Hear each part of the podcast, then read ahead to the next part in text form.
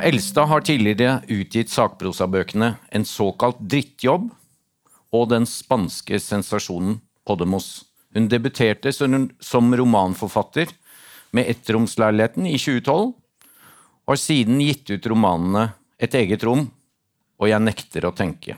Sistnevnte mottok hun Osloprisen for i kategorien Årets litteratur.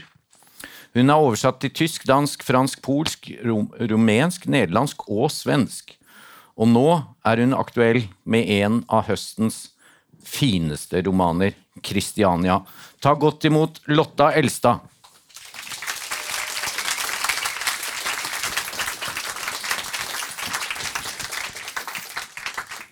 Hallo. Hei. Hei.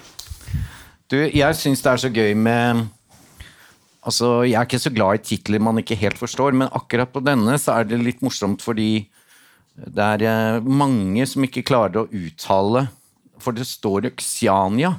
Så jeg hørte Knut Hoem, som eh, snakket om boken på NRK.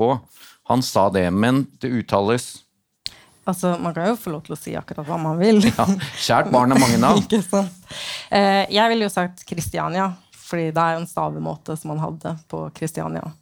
Ja, og når hadde man dette? For det, altså, Kristiania, det navneskiftet til Oslo var vel på 20-tallet en gang, eller? 1925 Ja. så endra man til Oslo. Mm. Nei, det var vel eh, Altså på 1800-tallet kanskje først og fremst. Hvis man går på Nasjonalbiblioteket sine sider og søker på eh, Exiania, som jeg har skrevet, så er det ganske mange. Og, men Med, uten den lille i-en, det var det vanligste. Så det var det noen som, eller, eller for så vidt egentlig ganske vanlig å bruke som en Men hvorfor valgte du ikke den vanligste? For å Jeg være vet ikke, jeg likte bedre den lille i-en. Så jeg har alltid likt eh, navnet Christiania. ja. Ja, det er jo betent. Og jeg så et annet sted at du sa at det, det er som i Christmas, altså Ja. for de av oss som eh, kan litt engelsk. Sånn at det, det er ganske vanlig. Og dette er jo nå en roman som har fått veldig god mottakelse, har vært på bestselgerlistene. Og jeg syns den begynner så utrolig fint. Altså Første setning i en bok er uh, veldig viktig ofte. Min del av historien begynner som de fleste, med et støt og en tidlig sædavgang. Fortell litt uh, hva du begynner med der. Ja, eh, man kan jo for så vidt tenke seg eh, det selv. Eh, nei, det her handler jo om Klara, som er 19 år gammel, og vi er ca. 100 år tilbake i tid. Hun er ikke i Kristiania på dette tidspunktet, men i Hedmark-området utafor Hamar. Og eh, er tjenestepike og eh, har en frikveld på en lørdag. og har vel rett og slett et one night stand med en fyr som sier at han er pilot, men som ja, antagelig ikke er pilot, da. Han, eh, du beskriver ham ikke akkurat som det. Nei. Eh, men hun, hun tenker ja, ja, og det, det går fint, liksom. Jeg Men så går det ikke så fint, da. Nei. Eh, hun havner vel i ulykka, som man sa på den tida. Eh, så hun blir gravid og eh, er jo veldig lite interessert i å, være gravid. Hun har andre planer i livet. Så hun setter i gang et eh, lite forsøk på å kvitte seg med fosteret på egen hånd, og det går i hvert fall veldig dårlig. Og hun eh, drar til en lege som da eh, litt motvillig eh, gir en adresse i Kristiania, der hun skal få hjelp med dette. Men der er det jo også litt morsomt, fordi hun er hos denne legen, og han syns ikke sant, dette er jo forbudt og vanskelig og alt sånn. Så hun ber om å uh, Hun tror hun får en resept i apoteket, men Men det er adressen. da er adressen i Kristiania, og så drar hun inn. Mm, Og denne madame eh, Savarello, eller Ada som hun heter, er vel på en måte dreiepunktet i Du skal skrive tre bøker om dette. Mm. Så det er hun som er sjef for eh, Altså, dette, er- dette er jo første, første del i, i en serie på tre, så hvis man leser den, så blir man kanskje litt skuffa, for den er ikke helt Nei, det blir man ikke. Nei, men eh, man, man, hvis man vil vite hvordan det går, hva som skjer, så, så er det da flere som kommer. Eh, men altså, hun drar da altså til Kristiania, og da havner hun i en hatteforretning i Vaterland, som som er en bydel for de som ikke kjenner til Oslo så godt, eh, i sentrum, i, i, i, altså i Kristiania. Og eh, i denne hatteforretningen så er det en kjeller hvor det da er en hemmelig abortklinikk.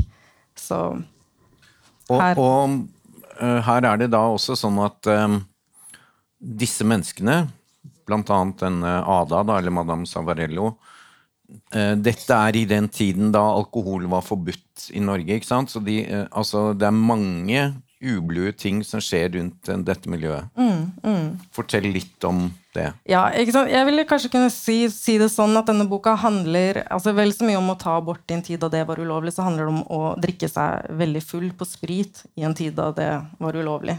Det er under forbudstida, det er 1922, som, som denne boka uh, er satt i. Og det er uh, ja, midt i forbudstida, som varte fra 1916 til 1927 i, i Norge. Så ja. Og så er det til og med dotømmerstreik. Mm. Så du beskriver veldig mye litt gørrete ting i dette Kristiania. Mm, mm. ja. ja. Da må du fortelle litt om fortelle litt. Var det, det, var det, en reell streik den gang? Eh, altså jeg hadde jo altså Jeg, jeg snakka jo med, eh, med, en byhistoriker. Altså jeg var nede på Oslo eh, byarkiv og prata litt med liksom, historikere der for å få litt sånn hjelp til, til, å forstå tida og sånne ting.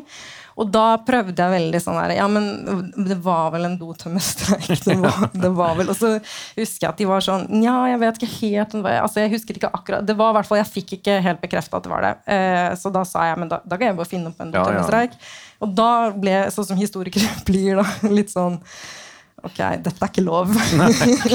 Nei, og du er jo historiker i bånn. Det, er jo det, så jeg har ja. også følt det en del. at Er det lov? Har jeg lov til å bare fylle inn hullene og finne på ting? Jeg tror det er nettopp derfor det er blitt så bra. Det er ikke alltid virkeligheten er som en roman. Men du, du bruker altså flere ekte personer også. Fortell litt om noen av dem. Altså, det er en som nevnes så vidt i, i, denne boka her som heter 'Mor i nøden', eller det er altså kallenavnet hennes. Eh, og dette var en, eh, en type som jeg snubla litt over da jeg gjorde research på, på, på min hjemby, da, Oslo. Eh, dette var på 1920-tallet. Hun bodde i Markveien, som er ikke så langt fra der jeg til dels vokste opp, eller jeg flytta til, til Grünerløkka da jeg var i tenårene. Eh, og Eh, hun drev jo da med fosterfordrivelser. Hun var en vaskekone på, som på en måte offisielt. Og så drev hun med fosterfordrivelser og gauking, som da var ulovlig mm. spritsalg. Så det var litt ulike politirazziaer der hvor man fant på en måte spritflasker liksom, i putetrekk osv. Igjen, nå vet jeg ikke helt om det er jeg som finner på, eller om dette er på ordentlig, men hun fantes i hvert fall eh, på ordentlig. Og jeg tror jeg tok liksom litt denne historien og tenkte ok, hva hvis vi gjør dette i en større skala, da? for det var jo veldig mye smugling smugling, gauking, altså spritsalg i mye større skala. Eh, altså Under forbudstida det var det samme som skjedde i, i Norge som, som, i USA. At det fikk en del perverse eh, følger. da.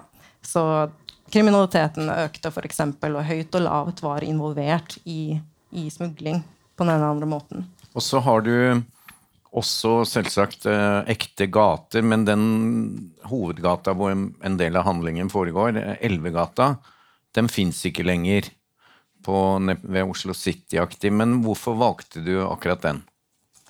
Nei, Det var nok litt tilfeldig, for så vidt. Men jeg hadde jo lyst til å ha noe som var i nærheten av elva. da. Altså Akerselva skulle kunne være en, en, skulle kunne figurere i denne boka. Så men det, det, var nok helt tilfeldig. Altså det var eh, kunne, det fins jo veldig mange ulike gater her. Rødfyllgata, Tomtegata, Tomtestredet, Tomtegangen, Persgangen osv. Det er utrolig mange små gater som ikke finnes mer.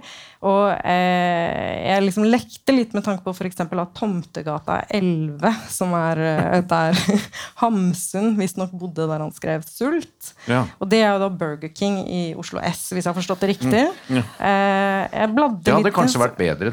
ja, for så vidt. Det kunne i hvert fall vært en liten mm. litterær referanse. Han, eh, altså, eh, han, han beskriver jo da i 'Sult' hvordan han ser ut av vinduet. Eh, der er en klessnor, og så er det en eller annen nedbrent smie som, som, som ikke fins der mer. Det er noe åpen mark, og så er det noen fattige barn som leker med tomflasker og sånne ting. Og det er ikke direkte det man ser når man sitter på Burger King Oslo S nå og ser ut av vinduet. Så det er jo litt derfor jeg skrev dette her, var jo nettopp altså alle disse små kurios, kuriose historiene altså at hva, eh, Det er ikke så veldig ofte eh, hvert fall ikke hvis man ikke gjør denne type research som jeg har gjort. Da, at, man, at, man, går i gatene et sted og tenker på hva, hva var det her før. Det er helt åpenbart Oslo Plaza mm. var ikke der før. Byporten, Spektrum, mm. Oslo City. Så dette er jo en bydel som har blitt mer eller mindre jevna med jorda, og så er det blitt bygd opp noe helt annet. Men det jeg syns da er uh, altså veldig fint Dette er akkurat 101 år tilbake. og og Vaterland og alt det gjørmete uh, kaoset med ja, forbryterbander på en måte og sånn som du beskriver, så får hun da, Klara, denne jenta, når hun til slutt blir frisk igjen, for hun blir jo syk av aborten, så drar hun til Bygdø. Og Bygdø er jo nesten som det var. Og der treffer hun en uh, dame som hun føler jeg kanskje ikke fantes helt i virkeligheten. Freddy var jo rik og god og eh, kommunistaktig. Og, fortell litt om Freddys eskapader. Ja, ikke sant. Jeg, jeg, det, er, det, er, godt mulig at en sånn type fantes. Altså, dette er vel en aristokratisk kommunist som kanskje ikke tar det så veldig på alvor, da, denne eh, politiske aktivismen sin. Jeg vil jo heller tenke at hun kanskje er en eh, veldig eh, liksom, overklasse der som er ganske langt over småborgerskapet. Da, kan man si. Altså, dette er eh, storborgeren, eller den mer adelige, nesten, hvor man kan ha en litt mer eh, liberal og løssluppen kultur. Da. Altså, det er ikke veldig den borgerlige seksualmoralen som man kanskje forbinder med den tida som, som hun blir prega av. Eh, jeg valgte Bygdøy litt fordi Bygdøy var på denne tida så var jo ikke Bygdøy en del av hovedstaden. Det var utafor bygrensa. Eh, og det var hit veldig mange smuglere kom inn med, med varene sine, rett og mm. slett. Mm. Altså Man var fra Danmark eller fra kontinentet. Så var det Strømstad var ganske viktig, og så er det Færder og der nede ved Tønsberg og Nøtterøy. Og sånne ting, og så dro man oppover, og da var Bygdøy et type sted. Og det var jo bl.a. fordi at politiet, som holdt mye på med streiker og kampen mot uh, den, mot arbeiderbevegelsen, kan man si, uh, inn i byen. Og så var det litt sånn Ok, hvor skal vi bruke ressursene våre? Og da var det ikke så mange politifolk ute på bygda da.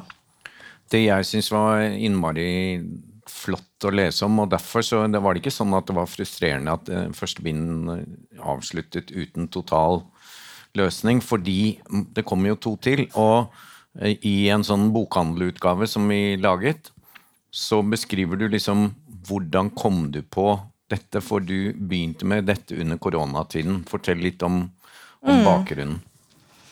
Ja, altså jeg tror, eh, Som du nevnte, så er jo jeg historiker, men til tross for det så, så, har jeg liksom ikke helt turt å skulle skrive noe historisk. Jeg har mest skrevet samtids, eller jeg har bare skrevet mm. samtidsbøker før.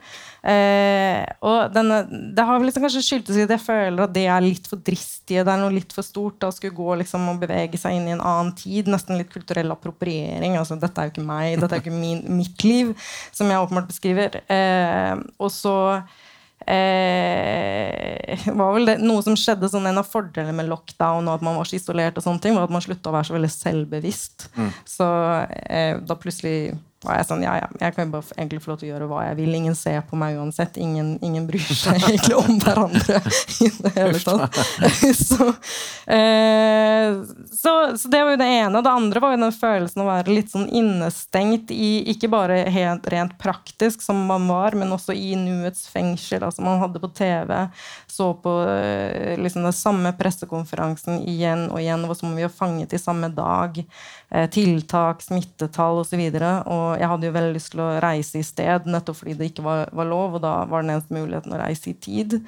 Så det var kanskje litt sånn jeg beveget meg mer og mer inn i bare noe annet da, enn den hverdagen som var på det tidspunktet. Og så så du på Netflix, og du så på en utrolig kul uh, kjeltringsserie fra Birmingham, Peaky Blinders. Eh, det er jo utrolig gøy å lage en norsk eh, Dette lukter jo TV-serie lang vei. Ja, det hadde forstått vært veldig hyggelig. Jeg er nok ganske prega av TV-serie i, i, måten jeg skriver på. og, og, og jeg kunne liksom nesten tenke ok, det er en sesong, eh, denne første boka osv. Men eh, jeg ville jo aldri kunnet lage film eller TV-serie nettopp for at jeg er ganske sånn utålmodig. Eller jeg, vil, altså, ja, jeg er rett og slett ikke så god til samarbeid. det er det ene. Men det andre at jeg har ikke så veldig lyst til at eh, budsjett og økonomi som skal bestemme hvor mange karakterer man får lov til å ha, og hvor mye Ja. Så en så bok gir veldig mye mer frihet. Ja. Ja. Det tror jeg nok absolutt. Og det er selvsagt sikkert frustrerende å skulle gjenskape dotømmerstreik i Kristiania 1922, men eh, jeg tror det kan bli en veldig kul serie. Eh, Men hva har du tenkt når du sier at det skal bli en trilogi? Eh, Jeg pleier fra sånn saks- og markedsperspektiv å si ikke si bare tre, det kan jo komme flere og flere. Men eh, har du tenkt en helhet og en ramme, sånn at du har opplegget for de to neste også? Det har jeg absolutt, og ikke tenkt å røpe. Nei. Nei. Men, men når kommer eh, toeren? Kommer neste år? Jeg håper det. Håper det, ja. Det håper vi også. Skal vi gå rundt. Men, men du ehm, Hvordan har det da vært eh, for deg å få veldig god mottakelse? Det jo det er jo ofte sånn i forlaget at vi liksom er ekstremt spent når vi vet at det skal komme en anmeldelse og liksom venter eh, hvert sekund, og det gjør sikkert du òg. Og da kommer det på VG så kommer terningkast fem av Guri Hjeltnes, og freskt eh, Nei, ferskt og frekt. Det likte jo vi veldig godt, for det er akkurat det denne boken er. Hvordan er det for deg som forfatter å vente på anmeldelser og tenke obs? Altså jeg er veldig glad jeg, jeg føler meg alltid mye mer letta når hele den perioden er over. Fordi at altså, anmeldelser er sånn Jeg, jeg personlig les, leser ikke anmeldelser, heller ikke de gode. Jeg har mer sånn Jeg får vite det, og jeg klassifiserer de bra, dårlig, blanda.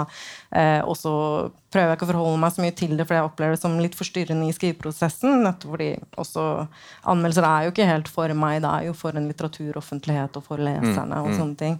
Um, så jeg er mer sånn Ok, hvis det kommer noe bra, så blir jeg sånn åh, ok, fint. da går vi videre. Og så tar jeg det litt tungt hvis det kommer noe dårlig, men jeg går også videre veldig fort fra det. Nettopp også, for jeg dveler jo ikke noe ved det. Um, sånn gjør vi det òg, men det er klart at eh, for oss som skal selge det, så er det jo utrolig deilig når vi føler at det er velfortjent god kritikk, og det har det vært i ditt tilfelle. da.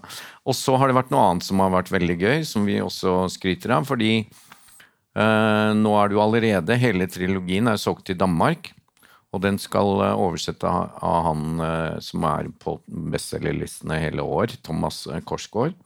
Hva tenker du rundt det? Nei, Jeg syns jo selvfølgelig det er eh, veldig kult. Ja, har noe annet svar som Nei. passer? Nei, ja, jeg er stolt og beæret, kunne jeg sagt, men ja det. Nei da. Men dere, eh, en av høstens aller beste romaner, eh, den har dere altså muligheten til å kjøpe nå i pausen. Gi en kjempeapplaus til Lotta Elstad. Tusen takk. Takk. Boktips, en podkast fra Cappelen Dam.